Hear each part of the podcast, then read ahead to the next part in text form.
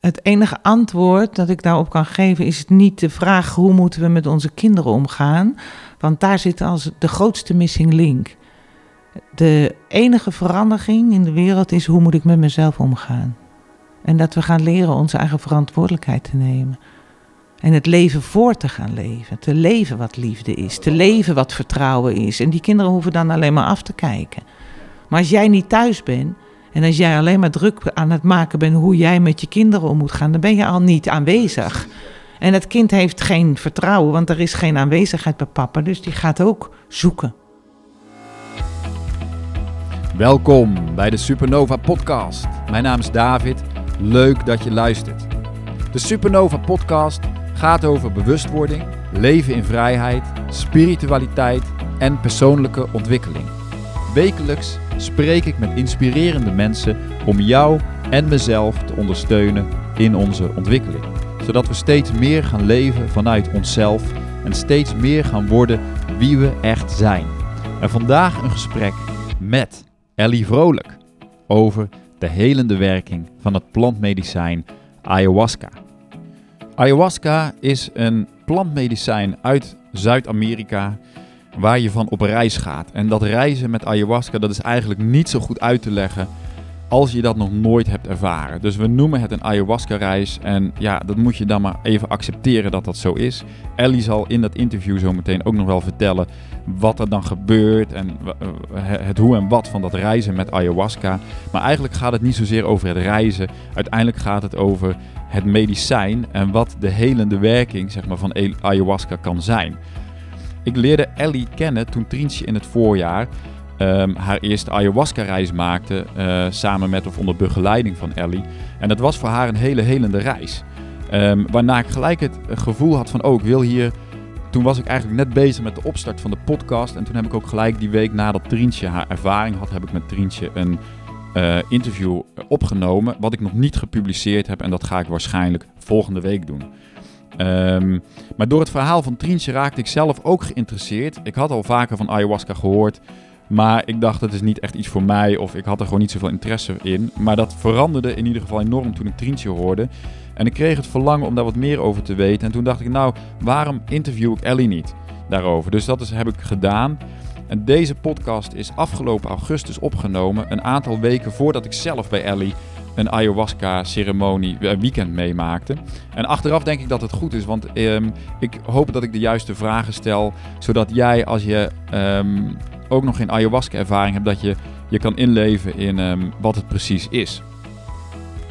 Uh, in deze podcast vertelt Ellie hoe ze zelf in aanraking kwam met ayahuasca 13 jaar geleden. We praten over het ego-ik, de oorzaak van ziektes, traumaverwerking, van jezelf houden en de wonderlijke werking, uitwerking van het ayahuasca-medicijn. En ik kan alleen maar zeggen, nu ik dat zelf ook ervaring heb, dat het voor mij in ieder geval transformerend was. Um, ik ga er zelf later um, ook nog wel het een en ander over publiceren in een podcast of een video. Ik wens je heel veel luisterplezier en inspiratie met deze podcast. Um, maar ik wil je eerst nog even iets vragen. Als je deze podcast uh, waardevol en inspirerend vindt, dan kun je voor mij iets terug doen. Je doet mij een enorm plezier door deze podcast te delen met een vriend of een vriendin. Gewoon door hem te vertellen, een appje te sturen of te delen via je sociale media. Um, simpel door iemand te vertellen over de podcast en waarom je er naar luistert, help je mij om meer mensen te bereiken. Vergeet je ook niet om te abonneren op iTunes, dat is eigenlijk wel een belangrijke. En wat ook heel fijn zou zijn, is als je een review wilt achterlaten op iTunes. Als je op de hoogte wilt blijven van nieuwe afleveringen en achtergrondinformatie wilt over de podcast en mijn reizende en ondernemende leven, dan kun je je via mijn website inschrijven voor de Insiders Club. Iedere donderdagmorgen, voordat de nieuwe podcast live gaat, krijg je van mij een mail waarin ik iets persoonlijks vertel over mijn leven en waarin ik wat achtergrondinformatie geef over de podcast die die dag online gaat. Um, en zo ben jij als eerste op de hoogte en krijg je een inkijkje in ons gezinsleven. Oké, okay, dat was het. Um, ik denk dat het gewoon goed is om te gaan luisteren. Ik heb er zin in. Um, ik geniet ook trouwens enorm van het terugluisteren van de podcast. en ik hoop dat jij er net zoveel van zult genieten. hier is Ellie Vrolijk. Nou, Ellie. Ja. Hier zit ik dan bij jou. Ik heb net Je hebt mij net even ondervraagd, want Ja. over twee weken ga ik mijn eerste ayahuasca-reis eh, bij jou doen. Ja, Trientje heeft al bij jou eh, een eh, reis gemaakt. ja. Ik zie er ook erg naar uit. Ehm, maar heel fijn dat je mij te woord wil staan voor Ja, dit tuurlijk. gesprek. Eigenlijk Ja. natuurlijk over, over ayahuasca. Ja. Ik heb ja, me natuurlijk een beetje ingelezen en ook wel geluisterd van nou ja, wat is ayahuasca, wat gaat ayahuasca doen. Dus daar willen we het natuurlijk over hebben met jou. Ja, Ehm, en je bent ehm, een ervaringsdeskundige. Hè? Ik, begreep, ik begreep dat je wel 300 keer ayahuasca hebt gedronken. ja zo ongeveer. Ja. En eh, wat, misschien kunnen we beginnen, kun je beginnen met iets te vertellen over wat heeft dat met jou persoonlijk gedaan? Eh, ja, dat is een vraag. Nou, daar gaan we. Voordat ik in, met ayahuasca in aanraking kwam, eh, ja, had ik een goed leven.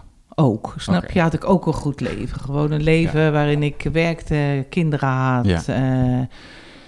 Ik was wel zoekende nog. Zo. Weet je, ik had een opleiding gedaan, psychosynthese, van tien jaar. Eerst vijf jaar zelf in therapie en Ja. toen vijf jaar de opleiding. En ik bleef iets missen zo, van daar moet iets meer zijn. Weet je, je leert dan allemaal wel hoe je met de dingen op moet gaan. En dat je het allemaal heel goed kan plaatsen in je hoofd en kan begrijpen. En daar ook op in kan spelen. Dat je ziet van, oh, ik doe nu dit. En als ik ander gedrag vertoon, dan krijg ik ander gedrag terug. En al dat soort dingen. Maar ik dacht, er moet een laag onder zitten. Want Ja.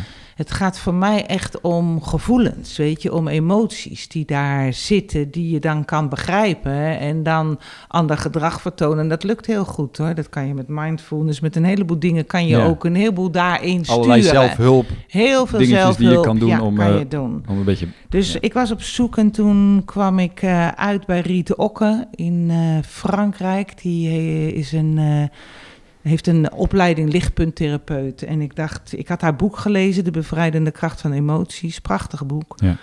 En ik dacht, ik moet naar die vrouw toe. Ik wil gewoon daar haar ervaren hoe zij met de emoties dan werkt, snap je? Ja. En toen ben ik daar naartoe gegaan een week en toen kon ik een opleiding volgen van... eh, oh, de bel. Oh, we hebben een hond. Ja, we hebben ook een hond. Even wachten. Bram, kom eens hier. Kom maar, Bram. En Maar je bent eh, je- toen ben ik dus naar Riet Okker geweest. En de tweede dag of zo zei ze... we gaan donderdag ayahuasca drinken. Ik denk, ayahuasca drinken, wat is dat nou? Nou legde ze een beetje uit. En ik dacht, nou, dat ga ik echt nooit doen. Echt niet En waarom dacht je dat?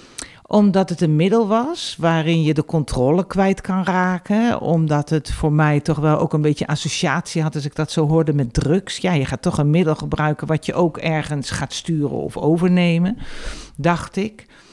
En omdat mijn vader alcoholprobleem, mijn broer, Ja. zijn hele leven, verslaving, heel veel verslaving in de familie. Mijn zoon op dat moment. En ik dacht, nou, dat ga ik dus echt niet doen. Ik ben- de laatste die blijft staan, zeg maar. Jij vond het goed van jezelf op dat moment. Ja, Van, nou, ja, ik denk ik moet dat echt niet doen. Maar ja, toen had ik dus twee dagen met die vrouw gewerkt. En ik vond haar zo goed in wat ze deed. In haar eh, werk en hoe ze omging met, door ademsessies en zo. Met de emoties, wat er dan uiteindelijk, eindelijk verbinding daarmee krijgen. En Ja. dat naar buiten brengen. Dat na twee dagen dacht ik van ja, ik ga dat toch, ik ga dat toch ervaren. Want als ik dat niet doe, dan kan ik ook de opleiding bij haar niet doen als therapeut. Want zij had echt zo dat van, was haar joh, eis eigenlijk. ja, nou, daar eis Eis. wel een voorwaarde. Ja, zo van, joh, als jij echt therapeut wil worden, dan zal je je eigen dieptes en hoogtes moeten kennen. Want in hoeverre kan je met iemand mee, snap je, in Ja. zijn proces, als jij niet weet wat er in de dier, hoe, hoe diep durf je zelf te gaan? En als je niet op die bodem kan, kan je nooit met iemand tot op de bodem mee.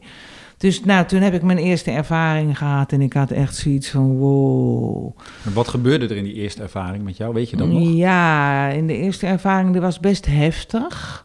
Nicolette, onze vaste begeleidster, die was daarbij en daar lag ik naast. En die schoot in een heel kindstuk. Die werd echt een kindje van twee, wat alleen nog maar achter de riet ook aankroop en riep: Mama, mama, nee, niet weggaan, nee, niet weggaan. En ik moest vanuit mijn achtergrond echt alleen maar controleren, weet je. De situatie bij Ja. ons vroeger thuis was niet altijd even veilig. Ja. Dus ik ben helemaal in de controle geschoten. Zo van, oh, wat gebeurt daar? Oh, wat gebeurt daar? Maar ja, je eigen proces gaat natuurlijk ook door. Maar Ja. ik ben alleen maar gaan controleren. Alleen maar heel heftig. Alles opletten, alles in de gaten houden, alles zien, weet je. En toen was het afgelopen, na zo'n acht uur denk ik. En toen, Nicolette was toen weer goed geland en weer terug, zeg maar. En die kwam naar mij toen, die zei, hoe is het met jou? Ik zeg, ja, er is gewoon, ik was diep teleurgesteld, want er was niks ik- gebeurd. Niks gebeurd, dacht ik. Dus, eh, Je had geen mystieke ervaring. Niks, nee, was helemaal iets. niets. Was helemaal niets. Alleen maar gewoon controle, controle, controle. Dus en toen me dat ja, werd getoond, zeg maar, want ja, iedereen ging weg en een kopje thee drinken en wat eten beneden en ik lag daar nog. En toen ineens zag ik, doordat zij ook nog bij me was, zo van, ja, ik heb alleen maar, wat heb je dan liggen doen? Ik zei, ja, ik moest, ik moest alles controleren. Nou, en toen kwam dat hele stuk uit mijn jeugd boven en toen heb ik wel twee, drie uur zo gehuild en Hmm. zo diep, zo diep wat daar zat, weet je, zo dat kind in mij wat alles onder controle moest houden. Ja. En niet in, in, in mijn jeugd, maar dat ben ik blijven doen in alles wat ik deed. Ja, maar wat, wat had jij een speciaal of een bepaalde heftige jeugd meegemaakt waar dat, waardoor dat kwam? Of, Jawel, jawel. Mijn vader, of ja, dat was wel zo. Mijn vader was een hele emotionele, gevoelige man. Mijn moeder was een vrouw die toch wel weg, geen gevoelens. Die moest het Mhm. allemaal ook onder controle houden. kwam uit een groot gezin, dus ja, ja, ja. alles onder controle houden. Het oudste meisje. Jij was de oudste. Ik was niet de oudste, nee, nee, nee. Ik was de, de, de tweede. Mijn moeder was het oudste meisje in een gezin. groot gezin. Dus die was helemaal af- afgesloten, kan je bijna wel zeggen, van de gevoelens. Heel jong getrouwd, 20 jaar, gelijk na de eerste huwelijksnacht een baby. Toen kwam ik binnen een jaar erachteraan. Dus ja, die moest alles, snap je, Ja, alles ja, onder ja. controle houden. En dat Aan- heb jij dan eigenlijk van je moeder gewoon overgenomen? Of hoe zie je dat? Eh, overgenomen. Door de situatie Ja. ben ik ook in controle geschoten. Door de, doordat ik vrij gevoelig was. Ik voelde al heel snel wat er aan de hand was. Ik voelde als mijn vader, die was heel emotioneel, maar mijn moeder drukte dat allemaal weg. Dus af en toe dronk hij dan alcohol en dan kwam dat er allemaal uit. En dan had hij echt driftbuien, weet je, echt tegen Ja. de waanzin aan. Dat hij echt zelf niet meer wist wat hij deed. Dus ja, dat was heel bedreigend als kind natuurlijk. Ja, en dan ging ik controleren. Ik moest mijn moeder in de gaten houden, mijn vader, mijn broertjes en zusjes. Maar ook als mijn moeder dingen tegen mijn vader zei, moest ik dat een beetje afvlakken, een beetje de clown uithangen. Allerlei gedrag ontwikkeld om die driftbuien maar zo lang mogelijk Uit te stellen. uit te stellen. Maar ik voelde van tevoren al twee, drie weken van tevoren dat ze eraan kwamen. Snap Ja. je? Dus vandaar dat dat hele controleren in mijn eerste reis, dat was het eerste stuk wat En hoe- overal hoe komt bovenop het dan zat. Dat bijvoorbeeld dat stuk in zo'n eerste reis naar boven kwam. Is dat dan ook het, de prioriteit op zo'n moment? Ja, ik denk hoe- het wel. Want ik denk dat de controle alles, alles in mij bl- afblokte. Ja. Dus dan word je ook door die controle ergens gedissocieerd van je gevoelens. En ergens ook gedissocieerd van de ervaringen. Ik kon ook altijd heel goed praten over wat er was gebeurd. Ik heb vijf jaar in therapie gezeten, kon ik dat allemaal vertellen. Maar ik voelde het niet. Ik had zoiets van, ja, dat is gebeurd. En mijn vader is een prachtig mens en mijn moeder ook. En het was hun onmacht, weet je. Er waren hele liefdevolle mensen vanuit hun onmacht vanzelf. Onverwerkte trouwens zelf nooit geziene kindjes, niet geziene kindjes. Dus ik begreep dat allemaal. Ja, en omdat je het begreep, dacht je misschien van... Daarbij was ik mee aan het overleven Ja. met dat begrijpen. En dat mechanisme van alles in stand houden, controleren. Ja, daar Ja. zat ik gewoon in vast. En, ehm, en wat, wat gebeurt dan precies op het moment dat dan ayahuasca binnenkomt in Nou, het lijf? De eerste keer was natuurlijk dat mijn situatie werd uitvergroot. Die hele, dat hele controle werd uitvergroot. Dat was de eerste keer. Dus ja, nou, en toen ben ik in die opleiding eerst meerdere weken... elke keer in, eh, per week een keer ayahuasca gaan drinken. Ja, en toen kwam ik steeds bij... dan kom je steeds bij diepere lagen. Steeds een laagje. En dat blijft, dat blijft gaan. Het verandert wel natuurlijk. Je hebt niet... eh, ja, ik heb zoveel reizen gemaakt en het is iedere keer anders. Het is werkelijk iedere keer Ja. anders. En het bewustzijn verandert. Je bent eerst jaren bezig met alle emoties van jezelf. Alle Ja. emoties, alle kindstukken, zeg maar. En op Ja. een gegeven moment is dat wel getransformeerd, zeg maar. En dan krijg je verbinding met je ziel, met wie je, met je, wie je werkelijk Ja. bent. Maar dan zit je nog met alle trauma's die in je lichaam zijn opgeslagen. Ja. En die komen eigenlijk bij, op het moment dat iemand ayahuasca drinkt, dan komen die trauma's los. Is dat eigenlijk hoe je het... Want misschien moeten we het even dan hebben over de werking precies van ayahuasca. De emotionele werking? Ja, daar is niet één, Of- één, eh, daar is niet één lijn in. Begrijp je? Zoals ik bijvoorbeeld mijn eerste keer alleen maar alert bleef, niets heb ervaren Ja. in mijn beleving toen, hè? En alleen maar lag te controleren. En Nicolette, mijn vriendin, zeg maar, zielenzus zeg ik altijd, die daar gewoon twee uur helemaal niet meer met haar werkelijke bewustzijn aanwezig was, maar helemaal samenviel met het kindje van twee. Ja. En dat ook helemaal werd. En voor haar was dat heel belangrijk om, want zij was ook gedissocieerd. Je gaat werken, je gaat overleven. En dat kind in jou zit nog wel ergens, of dat trauma. Maar, en in therapie kom je daar niet bij. Dan ga je daarover praten en dan kan je daar wel eens over huilen. Dat je denkt, ja, dat is toen erg voor mij geweest. Maar vaak weet je het niet eens Nee. meer. Het is afgeblokt. En dat is ook goed Anders om, om te om overleven. te overleven. Precies. Weet je, ja. het is ook goed dat ons lichaam zo'n mechanisme heeft dat zegt: oké, dat voelen we niet meer, die daar gewoon betonnen plaatjes op legt. Ja. En dan in therapie kan je dan wel eigenlijk onder de betonnen plaatjes kijken. Dat is mijn ervaring. En dan ga je dat Ja. snappen. En dan ga je gedrag wat je nu vertoont begrijpen waarom je dat toen deed. En dan kan je kiezen voor ander gedrag. Maar dat lost niet het trauma op. Het krijgt beheersing. Eigenlijk nog meer Je beheersing. controleert het nog iets meer Ja. met je hoofd. Ja, Dat is wel Ja. herkenbaar hoor trouwens. Ja, ja. Dat is eigenlijk zoals ik het dus ervaar. Hè. Alles Ja. wat ik jou vertel en deel, is niet de waarheid. Nee, maar hoe, Nergens, je wel dat? de Is mijne. de waarheid over ayahuasca? Of? Nee, niet de waarheid. Het is mijn waarheid. Ik kan alleen maar met jou dingen Ja. delen vanuit mijn beleving en mijn Precies. waarheid. Ja. En het is niet zo, ik zeg dit over ayahuasca, dus dat is ayahuasca. Nee, dit is mijn ervaring met ayahuasca en dat kan ik met je delen. Ja. En je hebt dus, ehm, wanneer was de eerste keer dat je ayahuasca dan ik hebt denk gedronken? zo 12, 13 jaar geleden. Oké, en sindsdien heeft jouw leven een dusdanige verandering meegemaakt dat je nu zelf mensen begeleidt. Ja, sinds een jaar of zes, zeven doen we dat nu. En dat ben ik helemaal niet zo. Eh, ik was toen al therapeut, coach. Ja. Ik heb jaren in het bedrijfsleven gewerkt ook. En ik, we hadden toen elf jaar geleden dit spirituele centrum gekocht om meer nog op mijn, onze eigen manier. Gerard was inmiddels ook omgeschoold. En op onze eigen manier met mensen te werken. In het bedrijfsleven zit je altijd vast aan. Daar moeten ook doelen worden gehaald. Weet je, je kan een klein stukje doen met mensen als het niet goed met ze je gaat. kan geen want- ayahuasca drinken bij nee, de grote dat bedrijven. nog niet. Maar dat gaat komen hoor. maar nog niet. Oké. Maar eh, om meer onze eigen, ja, onze eigen werkwijze, onze eigen zienswijze, hadden we dit spiritueel centrum. En dat liep heel goed en dat ging prima. En wij, daarnaast deden wij ons eigen proces met ayahuasca, puur voor onze eigen zoektocht en onze Ja. eigen ontwikkeling. Tot een jaar of zes, zeven geleden hadden we alle drie, want Nicolette die liep ook dat pad, Ja, zeg Nicolette maar. is dus jouw, jouw vriendin waar je ook die eerste ja, ervaring waar ik mee mijn had. eerste ervaring Ja. mee had. Ja. Die heb ik daar ook ontmoet. Ja. En Nicolette die heeft eigenlijk bijna alle ervaringen samen hebben we die met Gerard erbij, met z'n drieën, heel veel in ieder Ja. En toen een jaar of zes, zeven geleden hadden we ineens alle drie iets van, ja, we moeten, we moeten dit gaan doen. Wat kan je nog met therapie? Wat kan je nog met praten? Het ging me ook Ja. steeds meer tegenstaan, het werk wat ik deed. Ja, hoe Dat komt ik- dat omdat je het gevoel had van we, komen niet echt verder? Nou, weet je, Met- het is de TCV van een bewustwordingsproces, zeg ik altijd. Het is de sneltrein. Ja, en op een gegeven moment, als je zelf zo lang in de sneltrein zit, dan heb je niet zoveel zin meer om in een boemeltreintje te stappen, weet je. Dan, Dan denk je ook met, mijn ziel wil verder. Uiteindelijk doen we alles voor onszelf. Ik ook. Ik doe alles voor mezelf. Dus ook het werken nu met ayahuasca doe ik voor mezelf. Omdat mijn ziel nog ontwikkelt aan het begeleiden van mensen, aan het zien wat er met processen, wat er gebeurt. Prachtig, snap je? Dus ik doe het voor mezelf. En op een gegeven moment, als je maar in, ja, toch, ik deed ademwerk van alles. Maar als je dan weet dat er iets is waardoor dat veel rechtstreekser Ja. gaat ook. Dat de woorden ertussen uitgaan. Dat mensen hun eigen waarheid kunnen ervaren. Dat Mhm. gaat om voelen, weet je. En Ja. daar kun je met... gaat het bij ayahuasca om...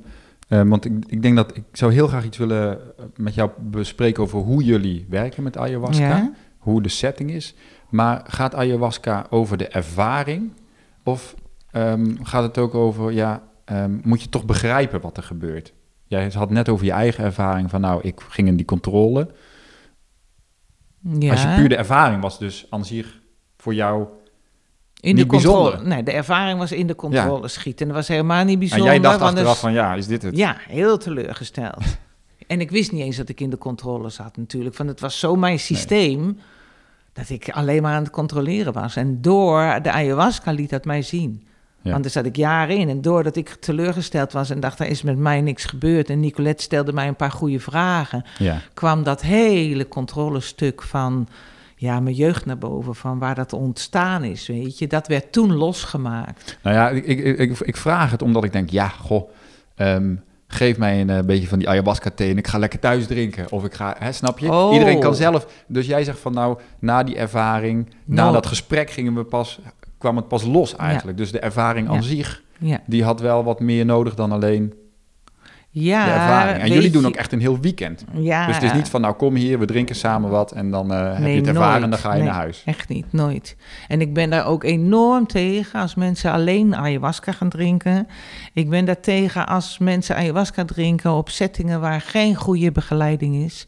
Want het kan ook echt heel erg misgaan. Ja. Echt. Kan En wat bedoel je met het kan heel erg misgaan?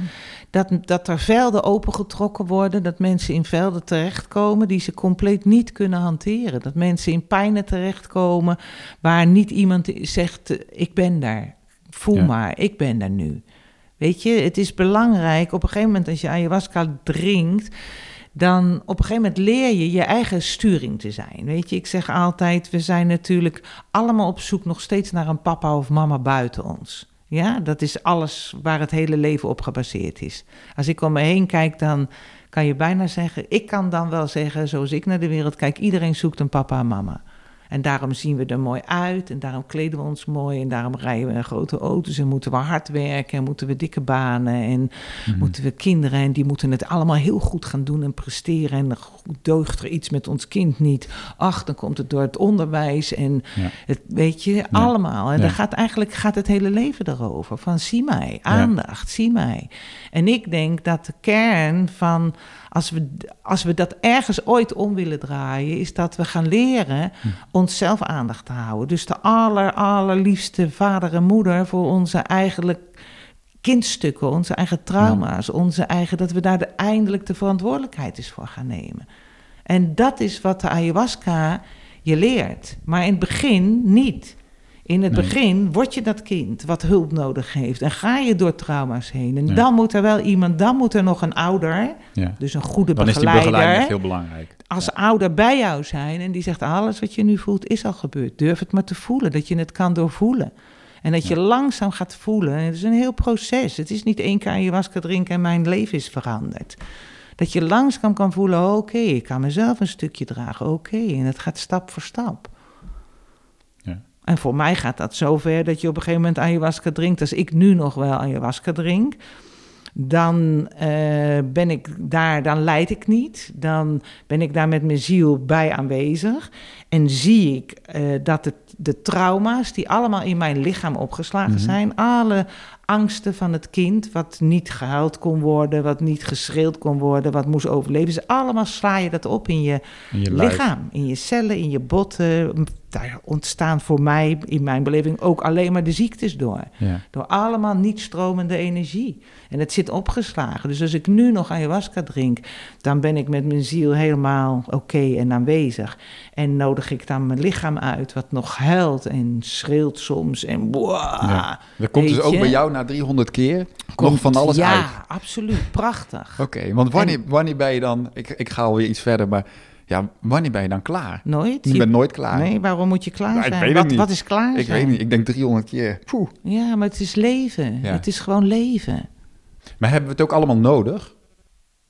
Ik denk ja, maar we moeten het zeker niet allemaal doen. Want ayahuasca is aan de ene kant, als je gewoon even de media bijhoudt, is echt aan populariteit aan het groeien. Ja, Hè? ja. Hè, op een gegeven moment stond er in de NSC een heel artikel jaren Ja. geleden al over de thee, de space thee. En er stonden alle, en er komen steeds meer Steeds plekken meer. waar je het kan drinken. En het wordt een beetje, nou, het komt een beetje uit de stille hoek waar het lang in is Gelukkig, geweest. ja. Dus dat is het komt aan het licht, zeg maar. Het komt aan het licht, letterlijk. Ja. Maar het is dus een goede zaak, zeg jij, van dat er zoveel meer aandacht is voor ayahuasca. Ja, vind ik absoluut. Vind ik absoluut. En aan allebei de kanten. Dat, dat aan het licht komt wat de positieve kant ervan is. En hoe helend en hoe genezend het is. En ik hoop werkelijk dat het regulier gaat worden. En dat ze in klinieken daarmee gaan werken. Ja, dat hoop ik Ja. werkelijk. Want er zijn zoveel mensen, hebben wij ook, we hebben honderden mensen begeleid met echt zware trauma's. Mensen die werkelijk uitbehandeld, ook medicatie hielp niet. Jonge mensen, echt. En wauw, weet je, Ja. door de ayahuasca. Ongelooflijk. Die nu weer functioneren, die in de, een baan hebben en die weer leven. Die uit een jarenlange depressie komen. En dat is werkelijk, en het is al aangetoond. Hè? Er zijn gelukkig ook video's dat ze wetenschappelijk hebben bewezen. Er staat er ook een op mijn website. Oké, Ik weet niet hoe die heet, maar er staat zo'n plaatje bij van de hersenen. Waarin ze werkelijk hebben bewezen dat het een trauma, dat ze kunnen zien dat het een verbinding, een Ja. trauma. aan de neurologische verbinding in ja, de neurologische verbindingen herstelt. Dus, Ja. En binnenkort heb ik ook een gesprek met iemand van de Universiteit van Maastricht. Die hebben ook een college gehouden, Kim heet zij. Die heeft een college gehouden over ayahuasca. En binnenkort heb ik met haar en een professor ook een gesprek. Want zij zijn al twintig jaar de ayahuasca, als ik het goed heb begrepen, aan het onderzoeken. En ze denken nog twee, drie jaar nodig te hebben om werkelijk het bewijs te hebben Ja. dat het een helend medicijn is. En hoe, groot acht jij de kans dat dat dan ook echt omarmd wordt door zeg maar de reguliere... eh, ja. ja. Ik hoop dat het, dat het een slagingskans heeft. Ja. Maar er zit natuurlijk wel de hele farmaceutische industrie Ja. achter. Hè? En dat gaat allemaal over macht en geld. Ja. En de- zoals stel dat die pillen niet meer gaan werken. Ik, ik. Volgens mij la- las ik van de week in de krant een miljoen mensen zitten aan de antidepressiva. ja, dat is gigantisch. Een miljoen. Ja, Dus 1 op 16. klopt. Een miljoen mensen. Stel dat de ayahuasca gaat werken.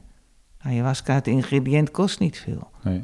Ja, stel Maar de ayahuasca is eigenlijk een plant uit de Amazone of zo, Ja. geloof ik. Ja. Het is een liaan of zo? Of Ja, je iets- hebt de lianen en eh, de bladeren, chacruna.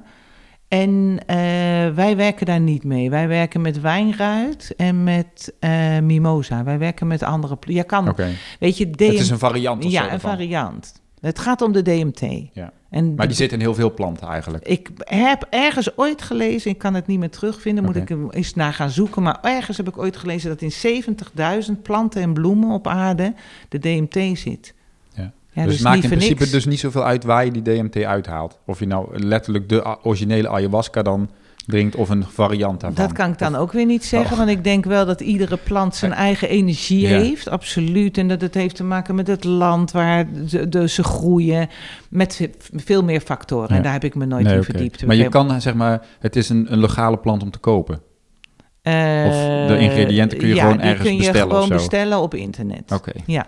Dus er is verder geen eh, geheimzinnige route die je moet afleggen om aan het nee spul te komen. helemaal niet. Nee. kan je gewoon kopen. Omdat je hebt namelijk, als je gewoon mimosa koopt en je koopt gewoon wijnruit. Wijnruit is ook een middel wat ze heel veel in de homeopathie gebruiken. Als je die twee middelen koopt, heb je geen ayahuasca. Dus je Nee. kan gewoon die twee middelen kopen. Ja, en die moet je dan mengen of zo. En die moet je bereiden, koken een- op een speciale Ja. manier. En dan uiteindelijk door de samenvoeging, Ja. doordat je en de remmer en de DMT krijgt, gaat het werken. Maar de DMT die je dus krijgt bij de ayahuasca is gewoon een lichaams-eigen stof. Precies. Wij maken de DMT zelf aan. En daarom heb je die MAO-remmer nodig die dan in de wijnruit zit, om wel op reis te kunnen. En Ja. anders neemt de DMT, je lichaam denkt, oh dat ken ik en dat neemt het op en dan, krijg gebeurt je, er niks. Dan gebeurt er niks. Nee, oké, oké. Want onze pijnappelklier maakt DMT aan. En die is verbonden met ons derde oog. Ja. Maar doordat we jaren eh, fluoride, pesticiden, alles wat we binnenkrijgen in het eten, in het water, is die pijnappelklier verkalkt. En Ja. zijn we steeds meer in het systeem terechtgekomen. De- de- Denk je dan dat het, ehm, zeg maar, in, ik weet vroeger, lang geleden, dat de mens veel meer van nature, zeg maar, in die staat Ja, leefde eigenlijk? Absoluut. Dat dat gewoon onze Allemaal, natuurlijke staat iedereen, was? ja. Iedereen. Paar duizend jaar geleden konden we gewoon met elkaar spreken over duizend kilometer, honderden meters. Ja. Maakt niet uit. Je stemde op We elkaar konden gewoon af. verbinden op een ja, hogere manier. je, kon, je stemde af en Ja. je bent verbonden met elkaar. Ja. Maar die trilling pakken we gewoon niet meer, omdat we gewoon zo verkalkt, dat zo verkalkt is geraakt. En dat heeft ook een reden natuurlijk. We moeten wel in dat systeem, want anders gaat het systeem niet meer. Ja, Dat klopt, ja. als wij er niet meer in, als wij gaan zien waar we in zitten met z'n allen, dan. Dan gaat het niet meer werken. Werkt het, Nou, niet, dan meer. gaat het niet meer En werken. alles gaat om geld en macht. En als dat in elkaar stort, weet je. Als we dus niet meer meelopen. Als ik, ik heb vaak zo'n beeld, weet je. Dan, als ik dan denk aan al die duizenden kantoorgebouwen over de hele wereld. En die torenhoge Ja. flats en gebouwen die er staan. Tientallen meters hoog met die honderden kamertjes erin. En die duizenden, miljoenen laptops. En al die mensen die daar acht uur per dag gewoon achter verdwijnen. Zie ik al die mensen, zijn geen mensen meer. Het zijn zombies van het systeem, ze weten niet meer. We zijn eigenlijk allemaal ziek. Maar zo kijk ik naar de Ja, wereld, hè? Mijn waarheid, niet de waarheid. Wat is er Zij nodig? zullen zeggen dat ik ziek ben natuurlijk, laat dat duidelijk zijn.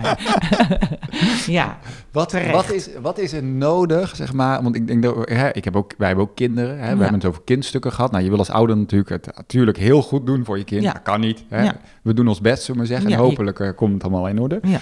Maar wat, wat is volgens jou dan een manier...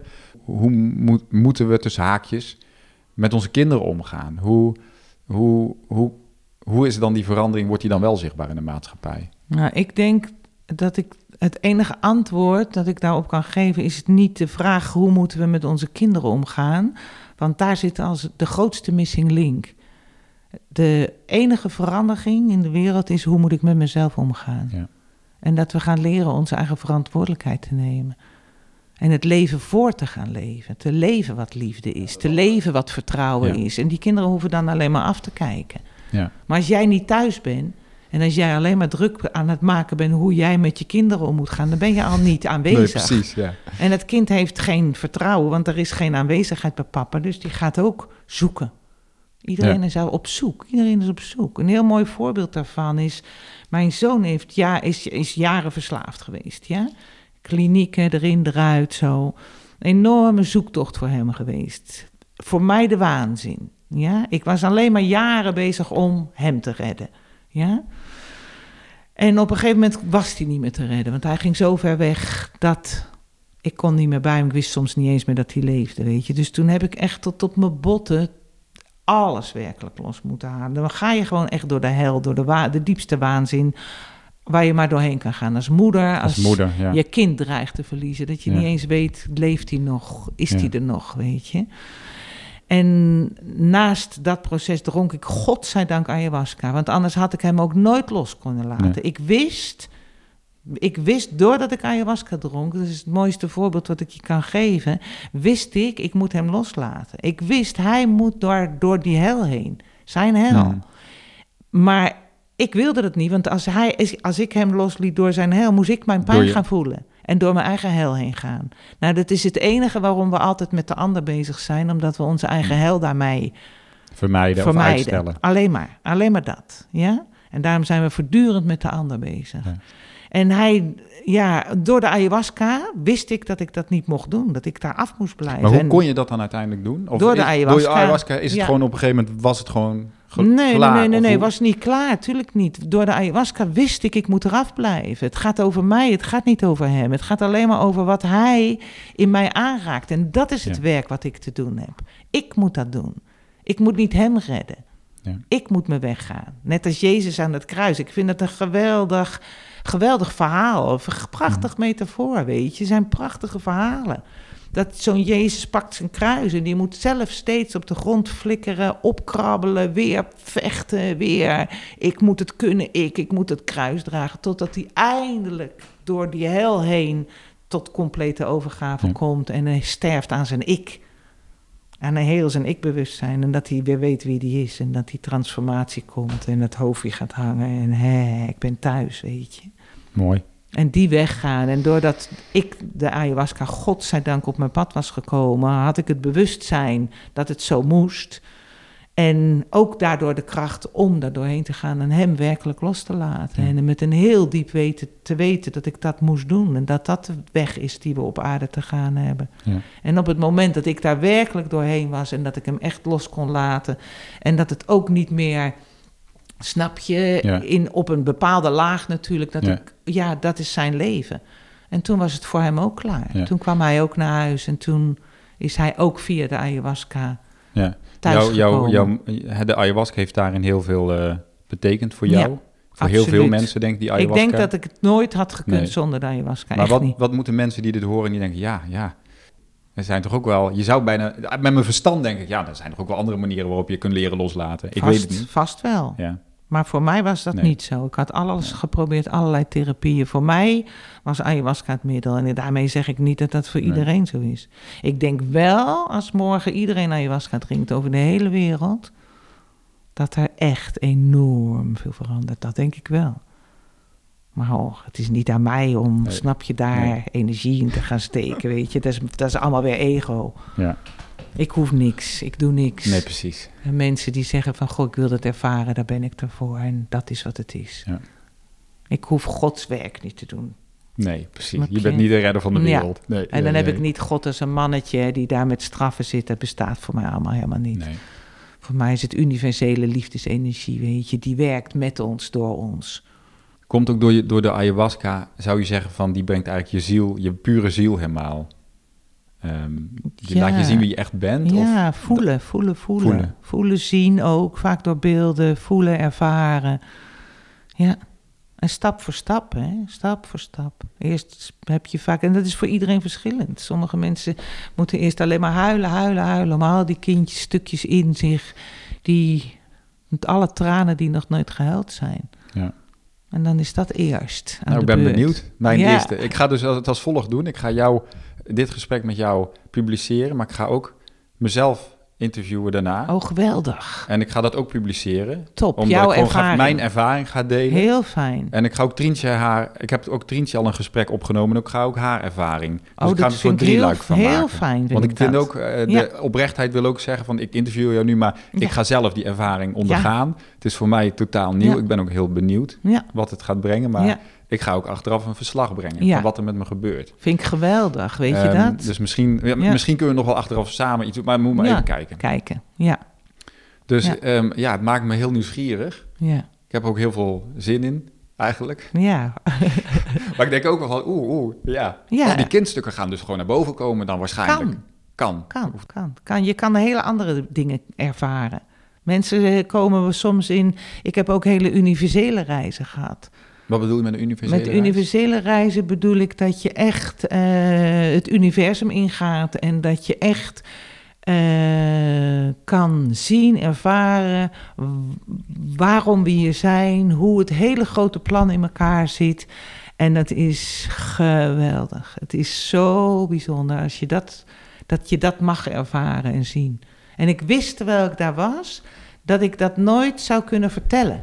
Nee. En ik wist ook dat dat de bedoeling was. Dat dat iedereen dat op zelf- zijn tijd mag ervaren, wanneer dat ook Mijn volgende nut vraag heeft. was natuurlijk, nou, vertel, ik wil graag even... Ja, dat snap ik. Maar dat is dus niet te vertellen. Nee. Dat is niet te vertellen. Nee.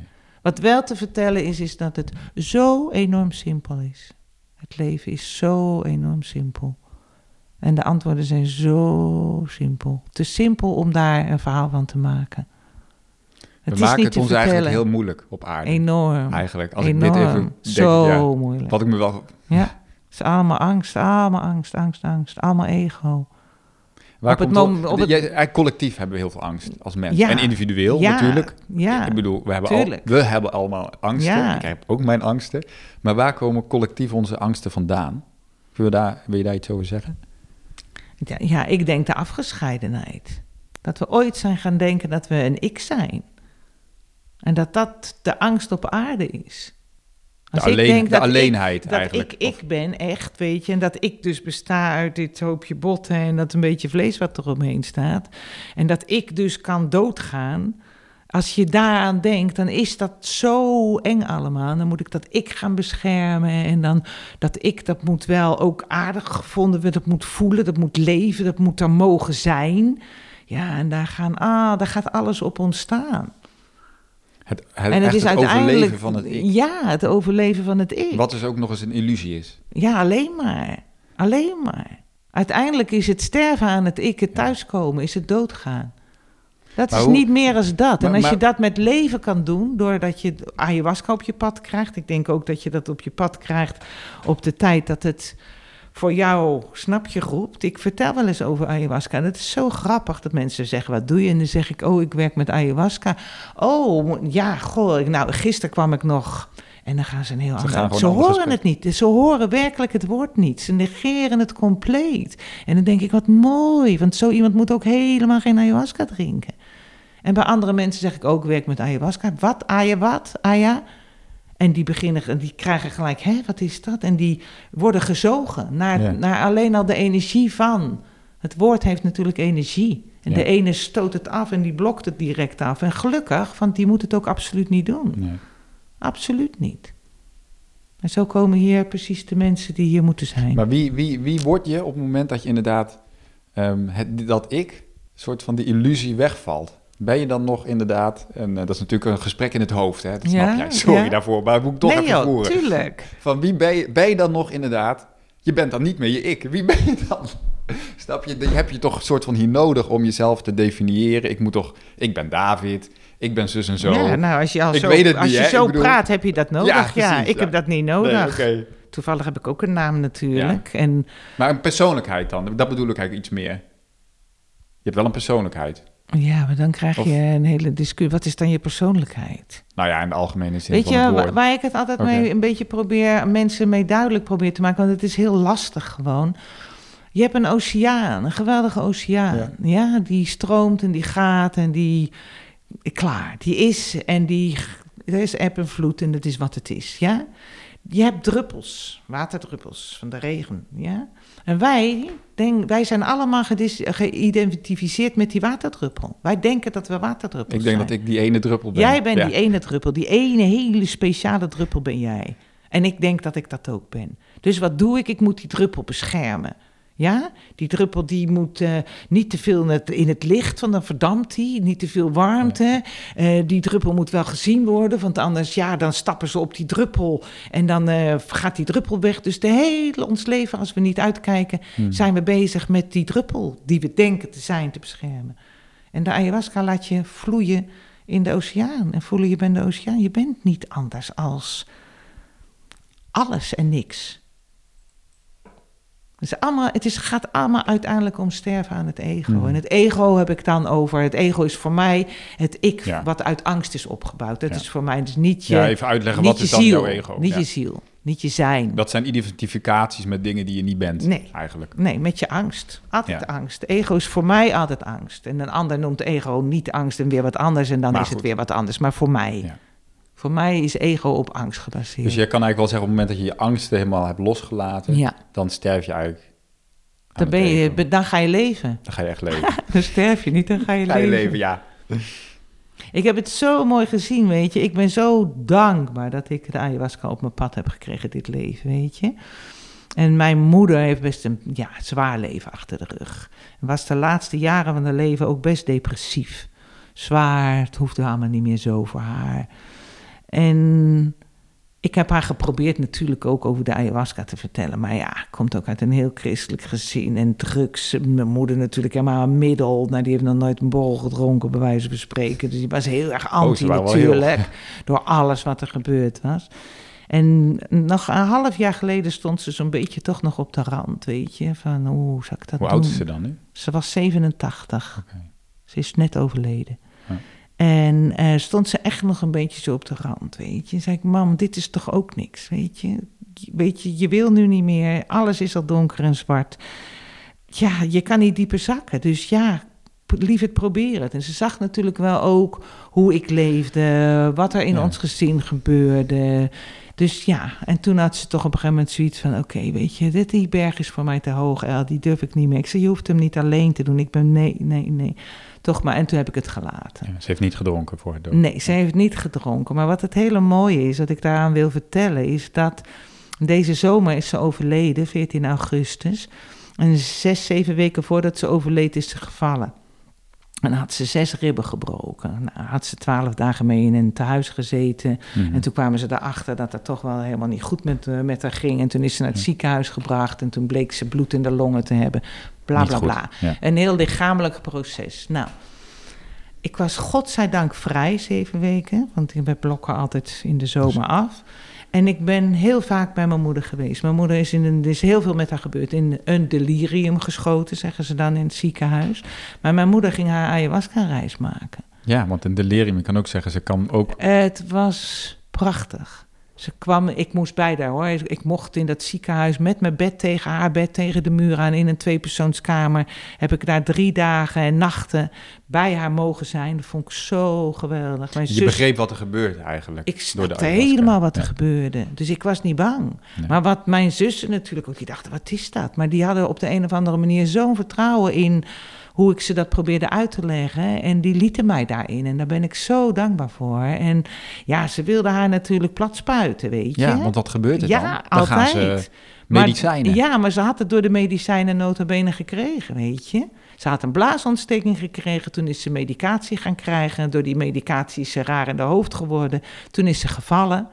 Toen heeft ze naar het ziekenhuis gebracht, uiteindelijk na twaalf dagen. Toen hebben ze haar daar aan een soort van morfinepomp gelegd voor de pijn. Terwijl ze alsmaar riep, ik heb geen pijn. Mam, heb je pijn? Ik heb geen pijn. Nee, maar toch voor de voorzorg. Ze moeten ingesteld zijn. Zo gaat het in ziekenhuizen. Maar ze is dus uiteindelijk dus in dat... in En die- uiteindelijk kwam ze dus in die delier. Dus ik Ja. heb gezegd, stop die pomp. Daar komt het door. Afgesp- af die pomp Ja. uit. En toen is die pomp uit. En toen heeft ze drie dagen en nachten met mij samen een ayahuasca-reis gemaakt. Kon je haar dan eh, bereiken? Of dat, kwam dat achteraf dan nog? Dat je nog met Nee, haar... Of, nee, nee. Ik kon gewoon tijdens dat zij daarin zat, weet je, dan zat ze in een. Waar zijn we? Wat is dit gezin? Wie, al die kinderen. En wie is dat meisje die daar in het licht staat? En dan kon ik heel zeggen: Kijk er maar naar, wat is allemaal gebeurd? Kijk maar, dat meisje, dat is wie jij bent. Dat is wie jij bent. En dan schoot ze allerlei kanten op. Dat gaat heel snel, weet je. En dan was het weer even weg en dan kwam ze weer terug en dan vloog ze weer overeind. En dan moest ze weer vluchten voor donkere stukken en de Ja, duivel. Ze maakt echt een innerlijke reis. Echt een enorme, ja, Ja. echt een ayahuasca-reis. En Ja. omdat ik daar natuurlijk zo vertrouwd mee ben, kon ik gewoon ook bij mijn eigen moeder niet in paniek gewoon daarbij zijn. En heel bijzonder. rustig. was zo mooi. Ja. Zo mooi. En na die drie dagen was ze daaruit. Toen waren ze heel verbaasd in het ziekenhuis dat dat gelukt. Want ja, normaal denk Gaan mensen dan dood? Ja, nee, Ja, dat uiteindelijk ze komen worden ze dan uit. toch platgespoten of duurt dat weken, weet je. Dus het was prachtig om dat mee te maken. Dus, eh, En wat, wat zag je aan haar na, daarna? Merkte je een... Meer rust, veel rust. meer rust, veel meer rust. Meer overgave, meer... Hmm. En toen is er weer hoor, toen is ze nog een keer erin geschoten na een week weer... door ook weer medicatie, want toen kreeg ze weer... Wat had ze toen? Een longontsteking erbij. Dus toen gingen ze daar weer medicatie weer verhogen. Dus weer hetzelfde verhaal. Dus dat is een paar keer gebeurd en dat is allemaal prima. Ja. Maar waar het om gaat, is dat ze uiteindelijk, twee, een nacht voor haar overlijden, ik ben ook bij haar sterven geweest. Samen zo in de nacht, weet je, dat ik zo kon zien waar ze was. En dat ze ook toen zeiden, nee, we moeten pleister plakken. En eh, nee, ze gaat eh, straks stikken. En ik dacht, gaat allemaal helemaal, allemaal jullie angst. Laat los, laat mij maar, weet je. En ze is heel rustig overgegaan. En de avond voordat ze eh, overleed, toen keek ze toen, op een gegeven moment toen deed ze de ogen open. En een beetje zo heel schrikachtig. En toen zei ik, mam, weet je het weer? Je bent een engel. En toen keek ze me aan met van die hele grote ogen. En toen zei ik, het is toch wat dat we dat allemaal vergeten. En toen kreeg ze echt zo'n lach, zat er gebit niet meer in, weet je. Zo'n lach van oor tot oor, wat zo'n baby kan hebben. Met Ja. van die ogen, dat Nou ja, zo'n baby, heel ja. gezicht open gaat, weet je. Zo, dat is zo'n baby weet, die weet wie ze... En mijn moeder had dat ook. En de avond daarna is ze gegaan. Dus helemaal zo heel rustig. Prachtig. Is het eigenlijk wat vaker gebeurt bij oudere mensen? Voor hun... Wat? Nou, zo'n soort delier dat ze eigenlijk op, net voor het overlijden eigenlijk dat Ja, meemaken. dat gebeurt Na een heel- leven lang ja. van je, jezelf kwijt zijn. Ja, dat is de kans om, snap je? Ah, dat is alleen maar verwerken. Al die oude angsten komen die altijd onderdrukt zijn. En dan gaat je lichaam ziek worden. En dan kan je al die... Het lichaam kan niet meer vechten om alles, die emoties te onderdrukken. En dan schieten we zogenaamd in een delier. En eigenlijk voor mijn gevoel is dementie niks anders. Nee, want dat ik Alzheimer. vragen van wat is dan dementie eigenlijk? Ja, Als voor mij is het het klinkt hetzelfde. heel erg daarna. Je gaat dan ook terug naar oude stukken. Alleen, Alleen maar. Alleen maar. Ik ben dinsdag... mensen komen er niet uit. Hè? Dementie, dat wordt steeds erger en erger en dan tot ze Ja. helemaal de weg kwijt zijn, lijkt het. Ja, of de Of- weg terugvinden. Ja, de weg terugvinden. Tot ja. ze de weg terugvinden en dan gaan ze. Ja. ja, apart. Eigenlijk bijzonder hoe het leven zelf dan dus door dit soort mechanismen Ja, hetzelfde doet. ja, ja. Alleen gaan ze mensen met dementie ook vaak allemaal medicatie geven, waardoor je die processen helemaal Je stopt. blokt waar eigenlijk mensen- dus... je blokt het proces. Je blokt het proces. Het is een heel natuurlijk proces. Maar zo kijk ik naar het leven Ja, hè, precies. en naar de wereld. Het is echt niet de waarheid. Ik weet het ook niet. Maar dit is wel mijn. Ik weet wel mijn Ja, waarheid. snap ik. Vanuit mijn ervaring. En ik leer nog elke dag. Je, daarnet noemde je ook even, omdat we het nu natuurlijk over die, die dementie en dit delier hadden, je noemde net even ook ziektes. Ja. Hè, van, eh, wat is jouw, jouw, jouw kijk daarop? We hebben ontwikkelen natuurlijk, eh, de stress, dat is natuurlijk fysiologisch ook te verklaren. Door Ja. stress krijgen we Ja. klachten, maar Ja. het gaat natuurlijk nog veel verder dan alleen stress. ja. Wat zit er onder de Onderdrukt, stress? ja. Wat zit er onder de stress? Waar begint het? Je hebt niet voor niks stress. Dus je hebt stress omdat je moet overleven. Waarom moet je overleven? Waarom kan je niet gewoon leven? Omdat je er niet mag zijn. Omdat je niet de liefde gezien, de support hebt gehad die je nodig hebt als kind. Dus daar ontwikkel je dat al.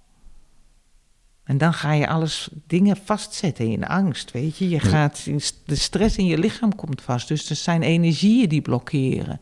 Het is natuurlijk ook heel typisch dat er, het lijkt wel of er steeds meer ziektes zijn waarvan de doktoren zeggen, ja, we weten niet waar het Ja. vandaan komt. We ze- weten niet. En dan ze noemen het maar wat, hè. En dan hebben ze toch een of andere kuur Ja, of een of ander Tuurlijk. middel. Maar tuurlijk. eigenlijk zeggen we, we weten niet waar het vandaan komt. Zoals heel dat fibromyalgie-verhaal, Lyme, ME, vermoeidheidsziektes, weet je.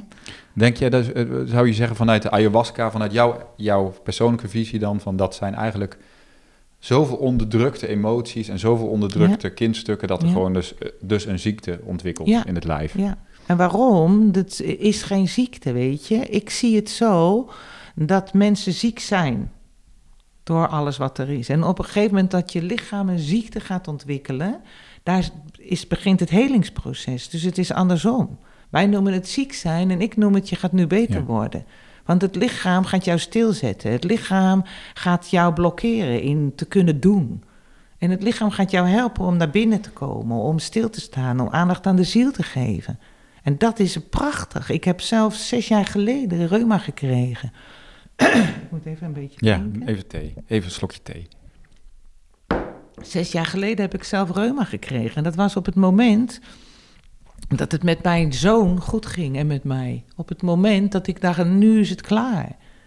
Daarvoor moest ik het vasthouden, controleren, moest ik iets. En op het moment dat ik dacht, nu is het echt klaar, nu kan ik het echt loslaten. En ik zei tegen Geer, wauw, we gaan op vakantie. Het is helemaal klaar nu, ik voel het, ik voel het gewoon. Ik voel het, het is uit mijn energie, het is klaar. En twee dagen en ik lag met acute reuma in bed. En ik heb drie maanden in bed gelegen omdat ik weigerde medicatie te nemen. Maar je denkt dat komt dat je echt het Omdat losgelaten kwam, toen- boem, kwam ja, alles in je lichaam. De stress ging Ja. uit mijn lijf. En dat is, dat is ziektes, het genezingsproces. Dat noemen ze ziektes, maar het is genezen. Maar wij mogen niet genezen en daar Is de het dan tijd na een voor tijd ook nemen. weer overgegaan dan, die reuma? Ja, bijna.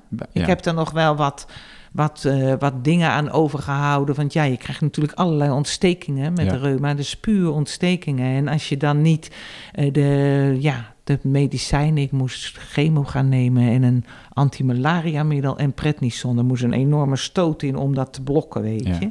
En ik dacht, ik voelde aan alles, dat gaat niet. Ik kon het Nee. niet eens. Geen haar op mijn hoofd, weet je. Wat eruit kwam, wist ik niet. Maar dat in ieder geval niet. Niet mijn lichaam vergiftigen. Ja. Mijn lichaam had rust nodig en aandacht. En ik heb twee, drie maanden op bed gelegen. En heel veel op natuurlijke manier. Ja. Met natuurlijk met goede voeding, met weet ik het. En ja, ik heb wel wat aan mijn gewrichten nog. Weet je, door die ontstekingen Ja. zijn er wel wat dingen die ik slechter kan bewegen. Maar Ja. Kreeg je toen ook nog inzichten in ayahuasca-reizen die je maakte, die jou daar nog wat meer over vertelden? Ja, dan? Want dat is natuurlijk voor dat. ziektes, of eh, la- Ja. ziektes, oké, de genezingsweg, denk ik voor mensen heel belangrijk om te Het weten. van, waarom, is- heb, waarom ontwikkel ik dit? Hè? Dat Weet je wat het allerergste is? Dat ik drie, voordat ik die ziekte kreeg, had ik drie ayahuasca-reizen gemaakt. Niet achter elkaar hoor, maar zo Mm. eens in de twee maanden of drie maanden. Ik doe dat niet zo vaak meer. En ik had drie reizen gemaakt, eh, daarvoor dus. En iedere reis kreeg ik te horen: aardappel, eh, groenten, fruit, noten, zaden. En meer mocht ik niet eten, alleen dat. Groente, fruit, noten, zaden. En iedere keer na de ayahuasca-reis dacht ik, ja, ik moet van dat vlees af, ik moet dat doen. Ik wil ook dieren niet. Ik heb veel te veel bewustzijn om Ja. nog dieren Ja. te willen eten. Maar mijn lijf, de drang, iets in mij moet soms een stuk biefstuk om te aarden, om goed in mijn lijf te blijven. Weet je, het is voor mij nog steeds een gevecht. Hmm. Maar buiten dat, drie reizen kreeg ik groente, fruit, noten, zaden. Groente, fruit, noten, drie keer. En toen huppakee, toen kreeg ik reuma. En ik weet zeker, bijna zeker, als ik toen, want dat was een aantal maanden Ja. daarvoor. Het was een boodschap eigenlijk Het voor was jou. een boodschap voor mijn systeem. Voor, en ik hield het ook vol hoor, twee, drie weken, soms een maand. Dat is ach. moeilijk, hè? En dan nee, ja, ach, het, ik vind het echt Ja. heel moeilijk. En nog steeds heb ik zoveel ayahuasca gedronken en zo, ik zie zo wat we doen. En dat wat we met de dieren doen, het is verschrikkelijk. Ik kan daarvan Ja. huilen, snap Ja. je? Het is echt zo erg. Wij zijn zo dom als mensen. Het is echt het Ja. mens dom. En het dierenrijk en het plantenrijk. Ja. En het mineralenrijk. En het is het mensdom. Mensdom, ja. En we zijn nog steeds zo dom. Maar ik voel ook gewoon dat af en toe. Ik heb ook bloedgroep O, weet je. Ik ben ook. Als je daar via het bloedgroependieet kijkt, hè. Maar dat is ook allemaal onzin. Dat is We- allemaal onzin, ja, Zeker vanuit jou. Maar daar Maar gaan we het nog een keer over hebben, David. Ja, ja, ja. Maar dan voel ik echt, weet je, ook met het werk wat ik doe. Ik zit natuurlijk ook in die Nou, je- ayahuasca-ceremonies denkt vaak op ja, je, zit op een heel hoog, hogere trilling. Is ook zo. En ik merk ook wel, ik ben nu vijf jaar veganistisch aan het eten. En, en soms, jij zei daarnet, jij bent streng voor jezelf. Soms denk ik dus tegen mezelf, David, ik wil gewoon alleen maar groente en fruit eten. Ja, Gewoon lichamelijk. Denk dat doe je? ik helemaal niet. Nee. Dat lukt mij ook helemaal niet. nee, oké. Maar, eh, nee, dus dat, Nee. maar dan vind ik nog dat ik denk, oh ja. Ja, Maar, ehm, maar ja, voeding is natuurlijk veel meer dan alleen iets kiezen om iets niet te eten. De trillingsfrequentie is natuurlijk Tuurlijk, ook heel belangrijk. tuurlijk. Absoluut. En als ik dan nu Ja. vlees eet, dan haal ik ook wel een kip bij een kip die heerlijk hier op het land heeft. We hebben zelf kippen gehad. En dan, eh, weet je, dan nemen we ook de verantwoordelijkheid om deze kop Ja, eraf te hakken. Precies, dan doe je het gewoon en zelf. kijken wat je doet en wat je eet. Hè. Ja. Laat dat duidelijk zijn. Maar ik kan het niet voor 100% laten. Nee. En dat is dan zo. Ja. Ik ga daar ook zacht voor blijven, weet je. Ik geloof ook echt waar dat als je jezelf voor het blok zet in voeding... waarvan je denkt, dit mag wel en dit mag niet... Dat dat, je daar niet. ook... Daar word je ook ziek van. Ja, dat is ook Dat stress. is ook stress. Ja, nee, ik heb al eh, stress erover gehad in mijn leven. Werkelijk alleen maar stress. Dus ik voel echt gewoon. Ik voel en Ja. ik ben wel bewust. En ik heb je natuurlijk een trigger dat ik iets ruik en denk, oh, lekker een bal gehakt. En dat ik dan denk, El, voel, voel nou, wil jouw lichaam echt een bal gehakt? Wil jouw lichaam echt die koe? En dan denk ik, en dan is het klaar. En Ja. soms voel ik, ja, ik moet dat Ja. wel. En dan zoek ik gewoon naar een goed stuk vlees en dan geniet ik daar enorm van. Mhm. Ik vind het ook mooi hoe je erover praat eigenlijk. Je brengt het namelijk naar een niveau waarin het niet meer gaat over goed of fout, Nee. maar over wat voelt en dan neem je verantwoordelijkheid voor wat je doet. Absoluut. Want ik voel wel, ondanks dat ik dan veganist ben, ik kan best een jager-verzamelaar indenken en dat je gewoon je vlees eh, acht. Ja, Ja. we zijn natuurlijk in de ontwikkeling ook, vleeseters Ook. geweest. En we moeten niet, weet Nee. je, heiliger zijn als de Ja. paus, weet je. Weet je wat wij moeten doen? We moeten kijken naar wat doen we met dieren. Ja, En waarom, weet je, wat is dat? Wat, waarom, weet je, we, we slapen allemaal. En daar moeten we met elkaar in Ja. wakker worden. En daar moeten we het met elkaar over hebben. Maar als ik die biefstuk die ik eens in de maand misschien eet niet neem... gaat daar echt niks veranderen. nee, precies. En natuurlijk kan je Wat zeggen heeft- hypocriet, want je werkt er dan ook aan mee. Zo'n stem heb ik ook. Maar ik denk, het kan op een andere manier. Het, het, Ja. Je kan ook zeggen, mensen, laten we kijken hoe we het doen. We mogen, het is niet zo dat we allemaal geen vlees meer moeten eten. Maar hoe gaan we met Ja. de dieren om? Weet je wat het is? We moeten leren anders met onszelf om te gaan. En dat is het enige. En we zijn nog steeds bezig, veel te veel, met eh, dat de regering niet klopt, dat dat Ja. niet klopt, dat iemand die iemand vermoordt, eh, dat die ook vermoord moet of opgesloten moet. We bemoeien ons nog voortdurend en daarmee doen we hetzelfde. Ja. Ik ben al weken niet meer op Facebook, want ik, af en toe trek ik het gewoon niet meer, Ja. weet je. Dan is er iemand vermoord en dan, als je daarover leest, wat mensen Ja. daar dan over schrijven, hoe mensen dan, ze moeten dit, ze ballen eraf, ze moeten hem ophangen. En het is ja. allemaal meer van hetzelfde. We voeden het allemaal alleen maar. Mensen die dat weer lezen, die daar weer wat van vinden. En wie is daar nou echt met zichzelf bezig? Wie is werkelijk zichzelf aan het veranderen? En ik denk dat echt de wereld verandert alleen maar als vandaag weer één persoon kiest om zichzelf te veranderen. En niets meer in die buitenwereld wil veranderen. Helemaal niets meer, maar dan ook niets meer. Maar Mhm. dat is zoals ik in het leven sta. Ja. En alle verleiding om daar iets te doen, is een trigger die ik van buitenaf krijg, die ik in mezelf niet durf te voelen. Omdat Mhm. dat me te veel pijn doet, me te veel raakt, te veel stress of paniek geeft. En dan ga ik, huppakee, pak mijn spandoeken maar weer en ga maar weer schreeuwen dat jij rechts zegt en dan zeg ik links. ja, dat werkt niet. Dat gaat het, nooit worden. Nee. Voor mij niet. Dus ieder mens die... En dat vind ik het allermooiste aan de ayahuasca. Dat mensen dat gaan zien. Ja, dat je gaat zien dat het dat het gaat om alleen om jou. Ja. Om jou. Om Nou, wat ik dan zelf wel heel moeilijk vind, ik had het daar net in het voorgesprekje al even over, van je hebt soms bepaalde periodes in het leven. Ik heb ben op een gegeven moment nou, gezond gaan eten, mijn voeding, het allemaal, heeft me heel veel mooie dingen gebracht. Ik ben gaan bewegen, ook allemaal heel goed. Allemaal leuk. nu ben ja. ik dus op een fase waarvan ik voel aan mijn lijf, ehm, eigenlijk moet ik, ik voel een beetje zo heel subtiel van David, jij moet eigenlijk stoppen met hardlopen. Ja. Maar dat heeft mij. Dat is dus op een gegeven moment wordt dat een stukje identiteit. En dat is dan misschien precies dat ego. En je denkt dan van ja, maar dat bewegen is toch goed? Dat heeft me heel veel vreugde. En, en, en nu, nu voel ik van ja, komt er misschien een andere tijd? En dat loslaten is dus heel moeilijk Ja. eigenlijk. Tuurlijk, omdat het een verslaving is. Het is een nieuwe verslaving. die je, het ja. zijn allemaal nieuwe verslavingen. We het rijden gewoon het ene. Het zijn allemaal andere. nieuwe verslavingen. Ook zo extreem goed eten. Het zijn allemaal nieuwe verslavingen. Omdat je gaat denken dat allemaal vanuit het hoofd. Allemaal ego. En die roept je moet dat niet meer eten. En die roept je moet dat niet meer doen. En die roept eh, je moet hardlopen. Weet je? Allemaal ego. Heeft niets meer met Nee. voelen te maken. Werkelijk waar niet. Ze allemaal weglopen bij wat er werkelijk is.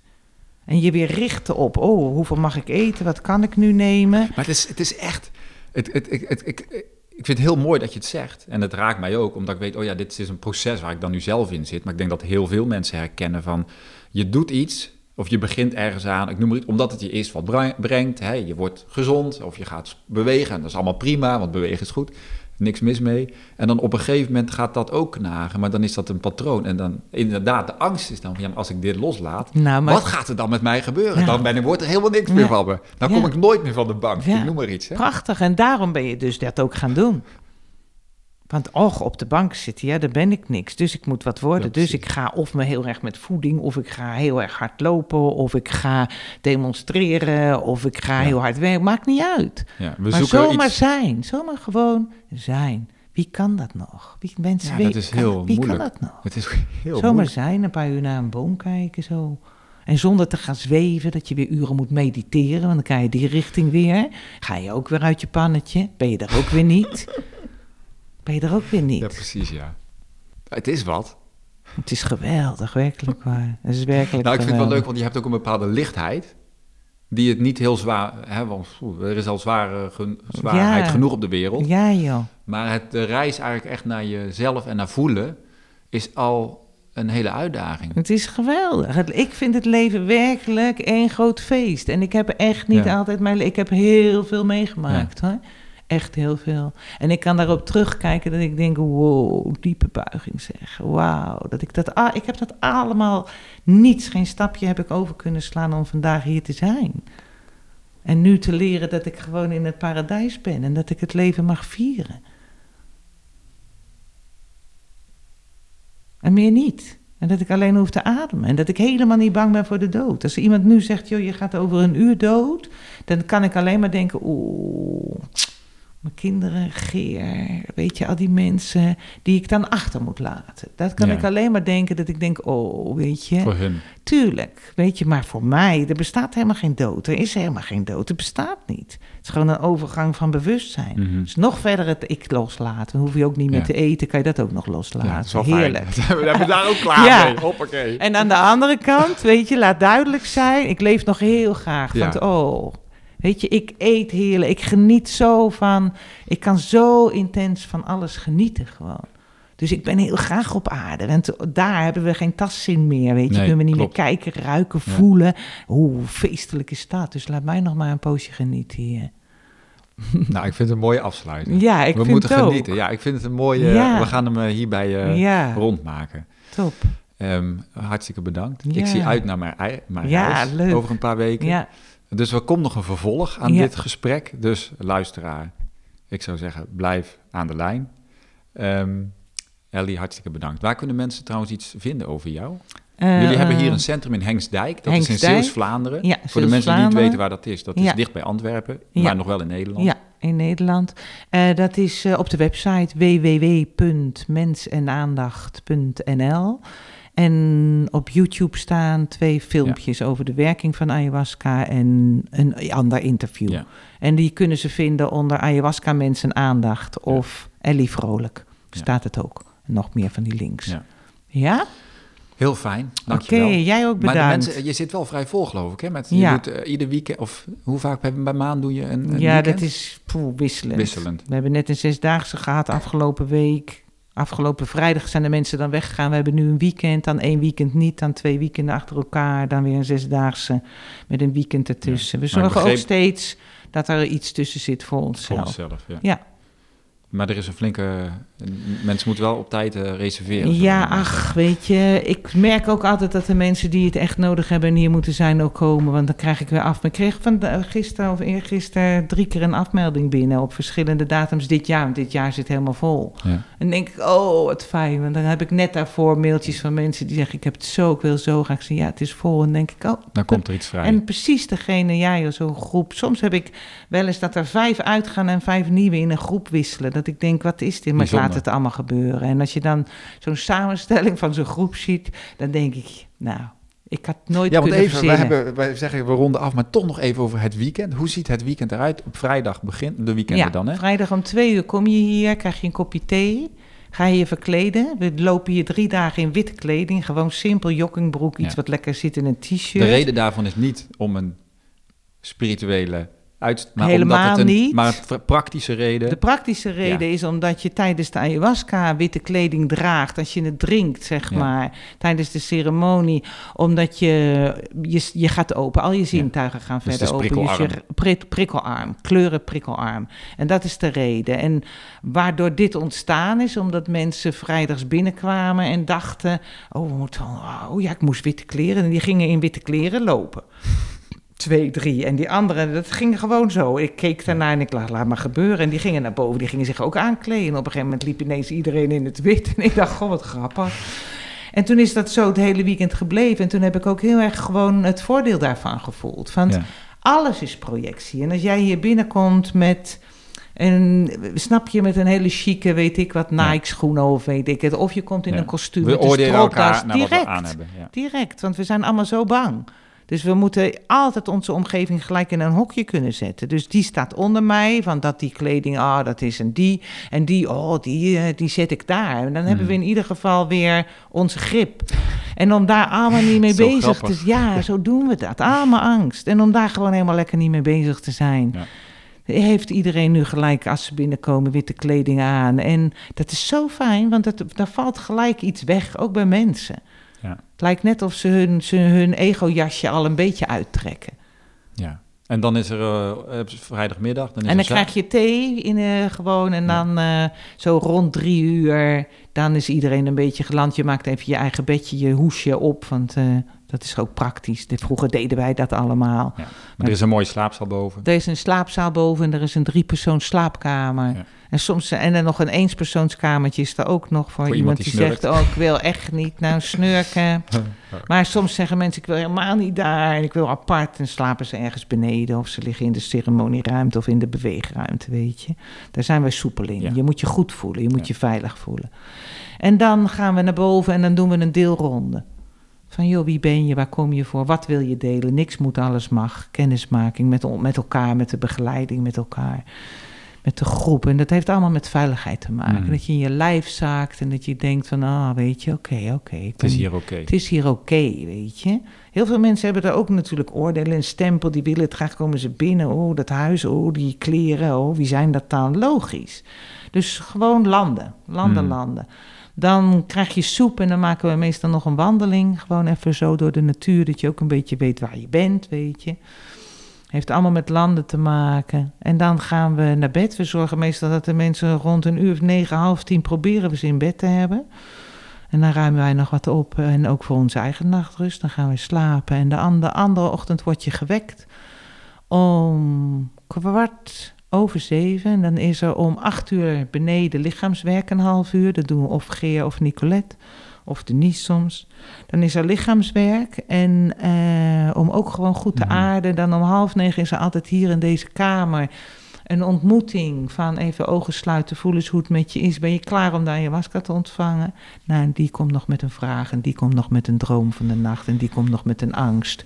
En Ja. als iedereen zegt, ja, het voelt goed, het voelt oké, het voelt veilig, gaan we naar boven. En dan zo rond een uur of tien Zo'n beetje. Dat schenken we dan de ayahuasca. S'avonds, 's ochtends. 's morgens. Tien ja, nee, wij precies. drinken alleen Zaterdag overdag. Wij drinken niet Ja. 's s'nachts. Vinden wij niet fijn. Ook voor je hele, voor je hele bioritme. Je raakt toch van, je raakt al genoeg van slag, zeg maar. wij vinden het genoeg. Ja, precies. Dus eh, dan om tien uur s morgens krijg je ayahuasca. En dan zo tegen een uur of half zeven is iedereen weer goed eruit en geland. En dan om zeven uur krijg je fruit in de ruimte. Het duurt dus wel eh, gemiddeld een, een uur of Acht, acht of zo? negen. Ja, Ja, het duurt vrij lang. Ja. Ja. Oké. En dan, eh, dan eh, krijg je fruit in de ruimte. We sluiten altijd af dat we alle- iedereen laten staan. En dan kijken, kijk ik even of iedereen goed in zijn lijf is. Fruit. En dan eh, naar beneden. En dan krijgt iedereen een goede stevige soep. En dan eh, zeggen we altijd, joh, blijf bij jezelf. Niet te veel praten. Mensen hebben veel meegemaakt. Een neiging om dan in- gelijk weer in de verhalen te gaan. Ga maar lekker naar binnen. Blijf binnen. Dus om negen uur ligt iedereen dan meestal weer in bed. Ja. En dan eh, zondagmorgen is er om kwart voor acht roepen, om wekken word je gewekt. Half negen tot negen uur lichaamswerk. En dan om negen uur krijg je een flink ontbijt, stevig ontbijt met kwark, fruit, noten, Ja. zaden. Pap, warme pap, goede warme pap. En dan eh, gaan we een deelronde in. En die duurt net zo lang als dat die moet duren. Ja. Tussendoor doen we een kopje thee. En net zo lang duurt die totdat die moet duren. En Ja. dat is gewoon je reis delen, Ja. de, alles wat er gedeeld wil worden. Soms hebben mensen nog een stukje proces, nog een stuk verdriet wat eruit komt. En als dat klaar is, dan gaan de mensen hun tas pakken, zich weer omkleden. En dan gaan wij de keuken in, dan wordt er gekookt. En dan zo rond een uur of drie proberen, maar het wordt soms ook vier, Ja, vier uur, half is vijf. klaar. Is er nog een warme vegetarische maaltijd? nou, goed zeg. ja. Oké, nou mooi. Ja? Ja, Oké. nou mooi, bedankt Nou, voor deze uitleg. En Ja. ehm, ik zie er naar uit. Oké, dat was hem alweer voor vandaag. En ik realiseer me dat we eigenlijk nog maar de oppervlakte hebben aangeraakt van ja, leven met ayahuasca. Ehm, dus ik ga zeker een vervolg geven aan dit onderwerp op deze podcast. Eh, sowieso door het interview en het gesprek met Trientje te publiceren. En ook door mijn eigen ervaringen te delen. Eh, maar ook door andere interviews en gesprekken over ayahuasca eh, te gaan publiceren in de toekomst. Dus dat kun je in ieder geval verwachten. Ehm, als je meer wilt weten over de weekenden van Ellie, kun je kijken op mensenaandacht.nl. Er is trouwens ook een video op YouTube waarin Ellie een hele goede uitleg geeft over de werking van ayahuasca. Die kan ik echt van harte aanraden, aanbevelen. Ehm, als je tot hier hebt geluisterd en je vond deze podcast waardevol, dan kun je net zo goed jezelf abonneren op iTunes en een review achterlaten. Ehm, en wat je ook kan doen, is deze podcast delen met een vriend. ehm, waarvoor mijn dank groot is als je dat doet. Volgende week ben ik er weer met een nieuwe uitzending. En tot die tijd wens ik jou een hele goede week. En ik geef jou de hartelijke groeten uit Nieuw-Zeeland, waar wij op dit moment met ons gezin zijn. Dat was het voor vandaag. Ehm, ik zou zeggen, een goede week en tot volgende week.